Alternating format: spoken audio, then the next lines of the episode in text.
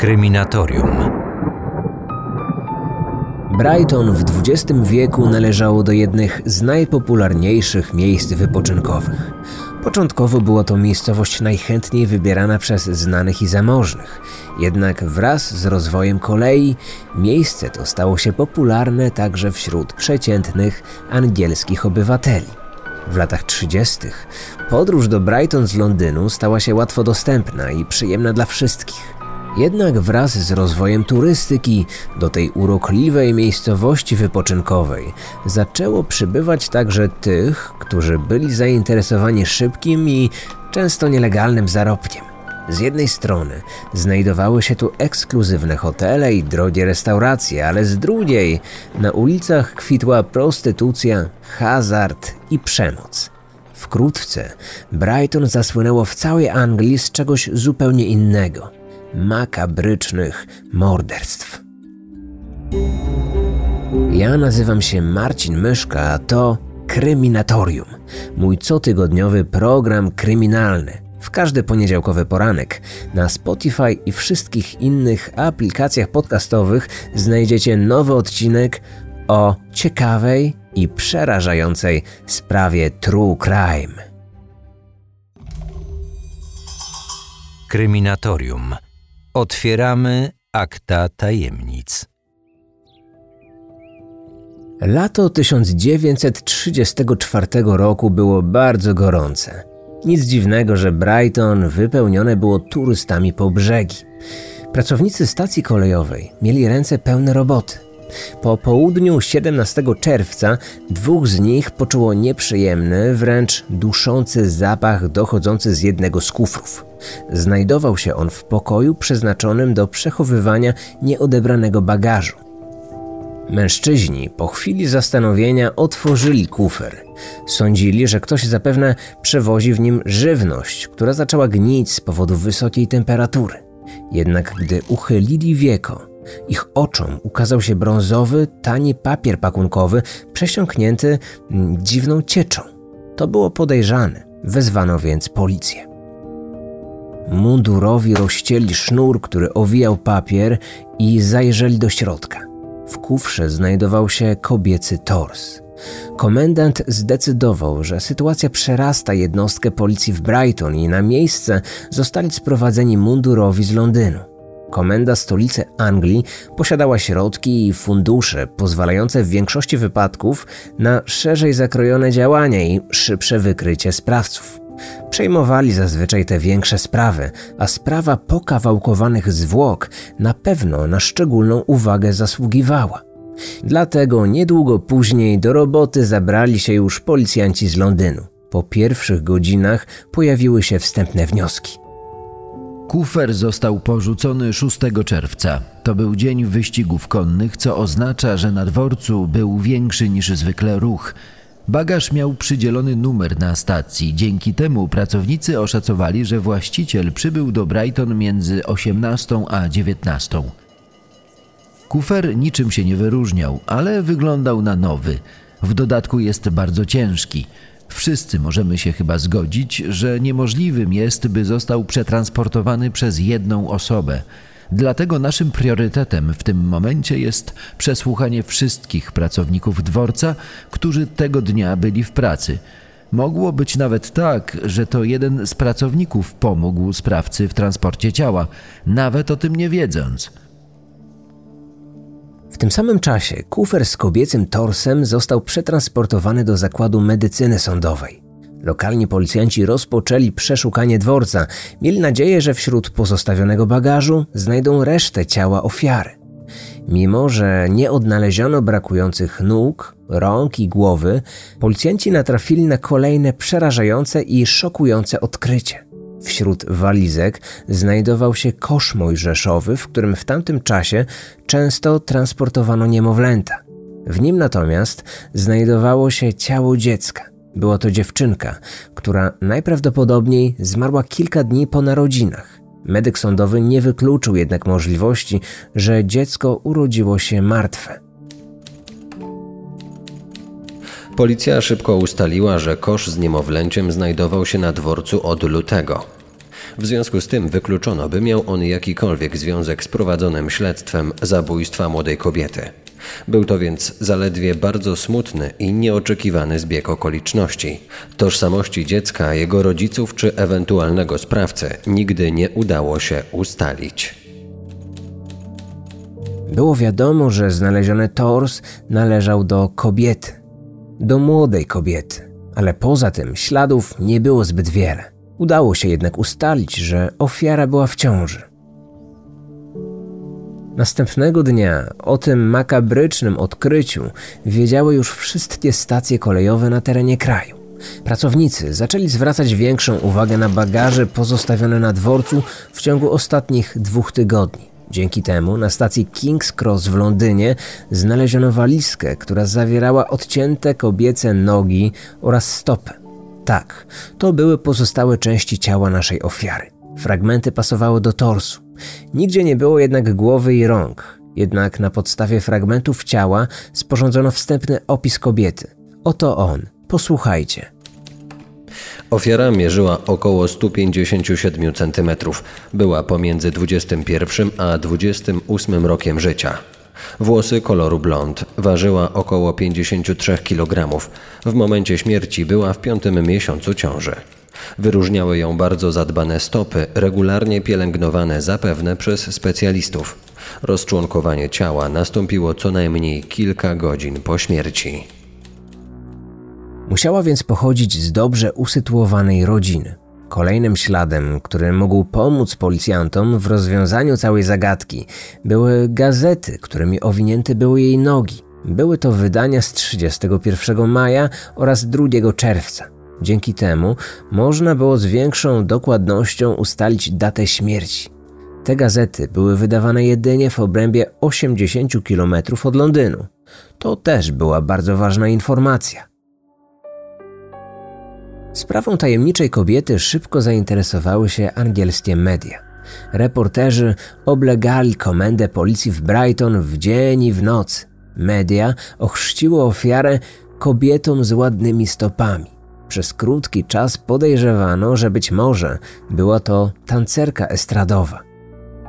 Szybko jednak zrezygnowano z tej teorii. Stopy tancerek po latach pracy rzadko kiedy były w tak dobrej kondycji jak stopy naszej ofiary. Dlatego wciąż niecierpliwie czekano na identyfikację tej tajemniczej kobiety. W dodatku, policjanci nie byli ani trochę bliżej ustalenia przyczyny śmierci czy też miejsca dokonania morderstwa. Lokalna społeczność miała jednak swoje własne podejrzenia. W związku z tym, że ta kobieta z ładnymi stopami była w ciąży, zaczęto podejrzewać, że mogła umrzeć podczas próby przeprowadzenia nielegalnej aborcji. Policja zwróciła więc swoje śledztwo w stronę dobrze znanego w mieście doktora, który także takie zabiegi wykonywał. Policjanci z Londynu wkrótce dostali jednak wyraźne ostrzeżenie od swoich pracodawców. Doktor ma zostać totalnie wykluczony z prowadzonego śledztwa. Komendę policji zalała fala telefonów i listów od znanych i bogatych mieszkańców, a także wczasowiczów Brighton, którzy bronili tego mężczyzny. Jako, że przesłuchanie nie przyniosło żadnych rezultatów, a presja wywierana przez znanych pacjentów miasta wzrastała, lekarz szybko został zwolniony. Na to miało też także wpływ ustalenia medyka sądowego, który ustalił, że w żaden sposób nie ingerowano w ciążę ofiary. Nic nie wskazywało więc na to, aby ta kobieta próbowała usunąć swoje dziecko. Po wszystkim ten doktor od aborcji wyjechał do Londynu, gdzie kontynuował swoją nielegalną działalność. Nigdy nie spotkała go żadna kara, nawet wtedy, gdy jedna z jego pacjentek zmarła podczas zabiegu. Sprawdzano zgłoszenia dotyczące zaginięć młodych kobiet. W tamtym czasie było ich około 800. Wkrótce grono poszukiwań zawężono do 70 te kobiety pasowały do opisu zamordowanej. Wśród nich była niejaka Violet, 42-letnia artystka sceniczna.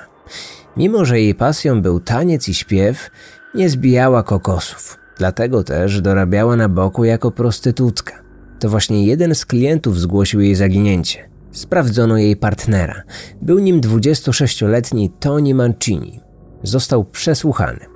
Był przekonany, że jego dziewczyna wyjechała z kraju, najprawdopodobniej do Francji lub Niemiec. W połowie maja wróciłem do domu z pracy i znalazłem list pożegnalny. Twierdziła, że wyjeżdża z nowym mężczyzną, z kimś, kto zapewni jej lepsze życie. Zupełnie się tego nie spodziewałem.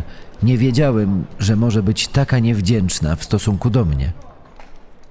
Przesłuchiwany wydawał się spokojny i opanowany. Nic nie wskazywało na to, aby miał jakikolwiek związek z tą sprawą. W dodatku nie do końca zgadzał się wiek, bo zaginiona artystka była o wiele starsza od kobiety, której fragmenty ciała znaleziono na dworcu. I gdy wszystko wskazywało już na to, że należy porzucić ten trop, w Brighton odnaleziono inny kufer. Tam też było ciało kobiety, ale tym razem od razu było wiadomo, kim jest ofiara. Była nią Violet. Czy to zbieg okoliczności? Aby odpowiedzieć sobie na to pytanie, najpierw przedstawię Wam nieco więcej faktów z życia Violet.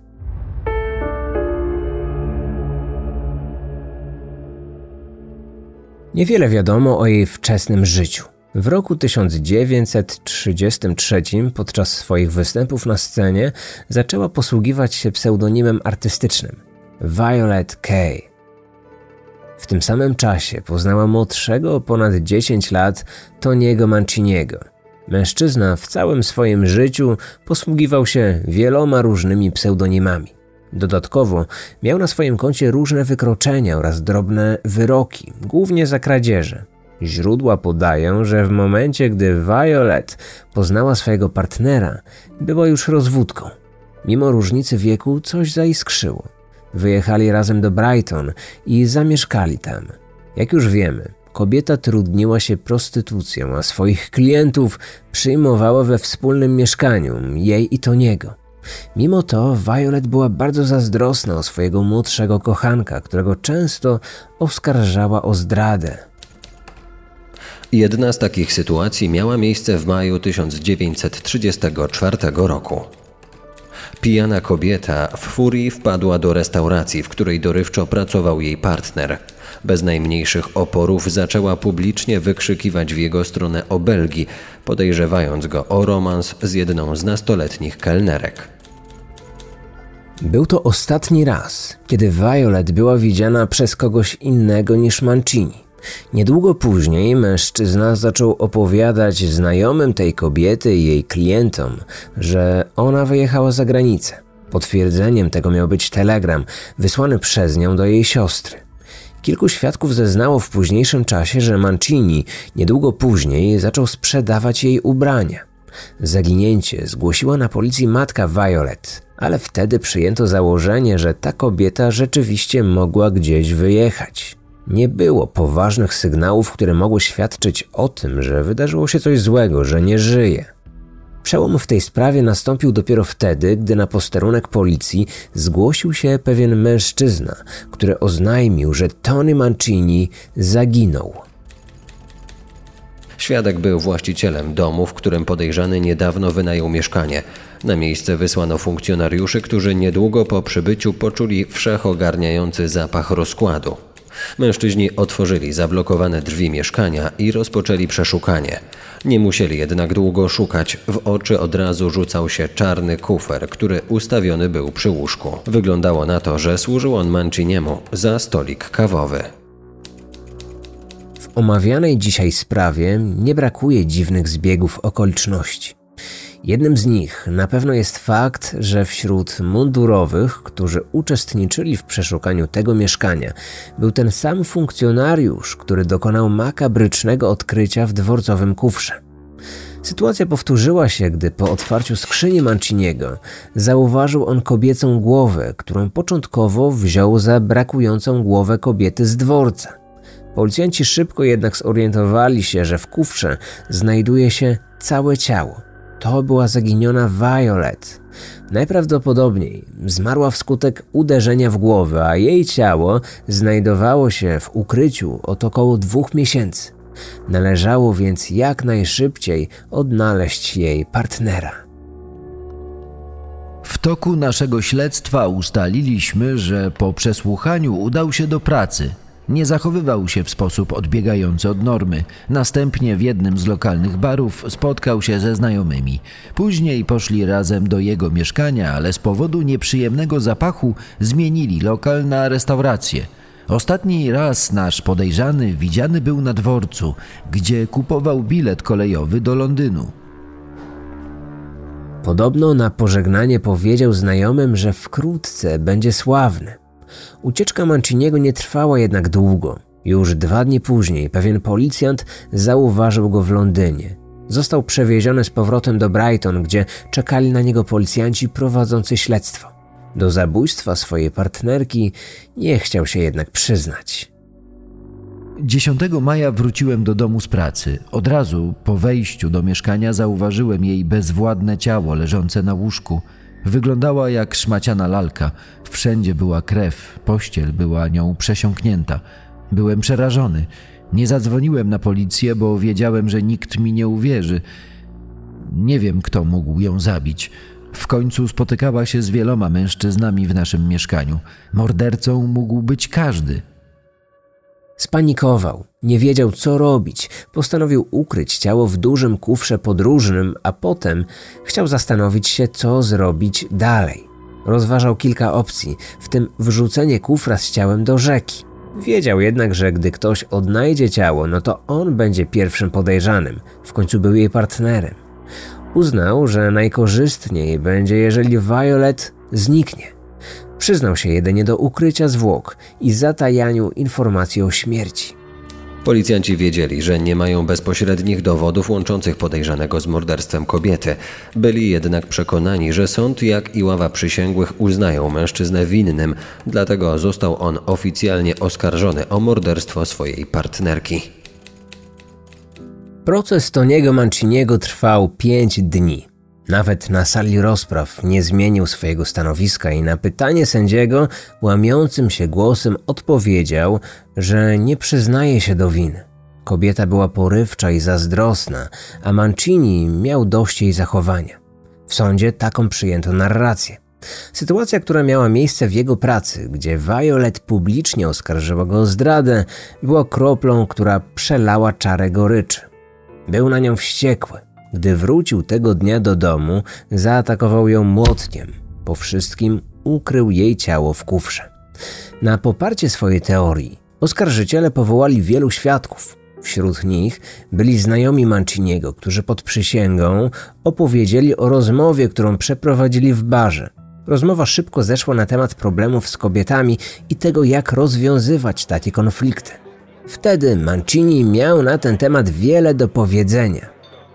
Co dobrego przyjdzie ci z uderzenia kobiety pięścią? Jedyne co, to po wszystkim będzie cię boleć ręka.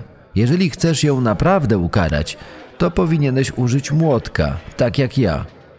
Początkowo medyk sądowy, który badał ciało, był pewien, że czaszka ofiary doznała urazu poprzez uderzenie młotkiem, ale nie mógł on wykluczyć, że podobny uraz mógł powstać na przykład na skutek upadku i uderzenia głową o posadzkę. Specjalista stwierdził także, że w organizmie kobiety znajdowała się morfina, ale o jakiej dawce tego nie ustalono. Dodatkowo jako dowód zaprezentowano ubrania, na których znajdowały się wyraźne ślady krwi. Do sądu wezwano krawca odpowiedzialnego za uszycie garnituru, o którym mowa. Zeznał, że ten zestaw sprzedał Manciniemu, ale już po śmierci Violet. Krew nie należała więc do niej. W związku ze śladowymi jej ilościami niemożliwe było zbadanie grupy krwi, aby w 100% odpowiedzieć na to pytanie. Dla obrońców Toniego sprawa była prosta. Ich klient był winny, ale jedynie ukrycia zwłok swojej partnerki. Z powodu swojej kryminalnej przeszłości był pewien, że nikt nie uwierzy w jego niewinność, więc spanikowany postanowił zatuszować całą sprawę. Według jednej z teorii, kobieta pod wpływem alkoholu i morfiny potknęła się na schodach mieszkania, które były strome i wąskie. Upadając, uderzyła się niefortunnie w głowę. Po wszystkim zamroczona poszła do sypialni, gdzie położyła się do łóżka i zmarła z powodu odniesionych ran. Druga z wersji zakładała, że to któryś z klientów ją zabił. Po wszystkim opuścił mieszkanie, nie zwracając na siebie niczyjej uwagi. Niezależnie jednak od tego, jaka była prawda, obrońcy Manciniego wyraźnie dali do zrozumienia przysięgłym, że w sprawie brakuje nie tylko dowodów, ale także jasnego motywu. Prócz tego, że Violet była zazdrosna i czasami z tego powodu dochodziło do drobnych sprzeczek, to wielu świadków potwierdziło, że związek wydawał się, jeżeli nieszczęśliwy, to przynajmniej hmm, stabilny. I właśnie to było najmocniejszym punktem obrońców Manciniego. Brak motywu. Narada trwała niewiele ponad dwie godziny. Gdy przysięgli wrócili, na sali panowała totalna cisza. W końcu przewodniczący wstał i donośnym głosem oznajmił, że oskarżony został uznany niewinnym. W sądzie zapanował chaos. Część widzów była oburzona werdyktem, część, tak jak matka Manciniego, odetchnęła z ulgą. Mężczyzna natomiast, teraz już uznany za niewinnego, niemal zemdlał i musiał być podtrzymywany przez swoich obrońców. Proces był poszlakowy.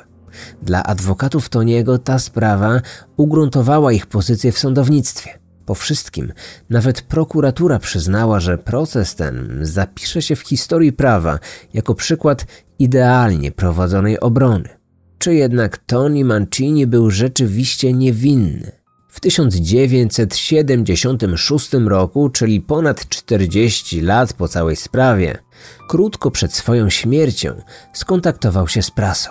W wywiadzie przyznał, że 10 maja 1934 roku wrócił do domu z pracy, gdzie czekała już na niego wściekła Violet. Zaczęli się kłócić. Była zazdrosna o kelnerkę w pracy Manciniego. Zaczęła po raz kolejny obwiniać go o romans, wymachując młotkiem, który trzymała w ręce. To narzędzie służyło im do rozbijania baryłek węgla, którymi ogrzewali mieszkanie. Mężczyzna wyrwał jej młotek, jednak ta nalegała na jego zwrot. Wściekły Mancini rzucił go więc w jej stronę, uderzając ją przy tym w potylicę. Kobieta zmarła od razu. Wiedział, że po tylu latach od zdarzenia nie trafi już za kratki.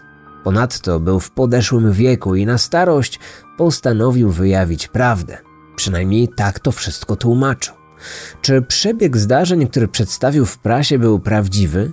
A może na skraju życia chciał zyskać popularność? Może liczył na jakieś pieniądze? Trudno powiedzieć. Fakt jest jednak taki, że sprawa, od której zaczęliśmy cały ten odcinek, czyli ten odcięty tors znaleziony w kufrze, nie została wyjaśniona. Tego zdarzenia nie połączono z Mancinim, nie zidentyfikowano tej ofiary oraz nie ustalono osób, które były powiązane ze śmiercią tej kobiety. Mam nadzieję, że nadchodzący tydzień także zaczniecie od kryminalnej sprawy na kryminatorium – Przypominam, że w każdy poniedziałkowy poranek na Spotify znajdziecie moje nowe odcinki. Jestem też na Instagramie pod nazwą Marcin Myszka 1. Zapraszam do kontaktu.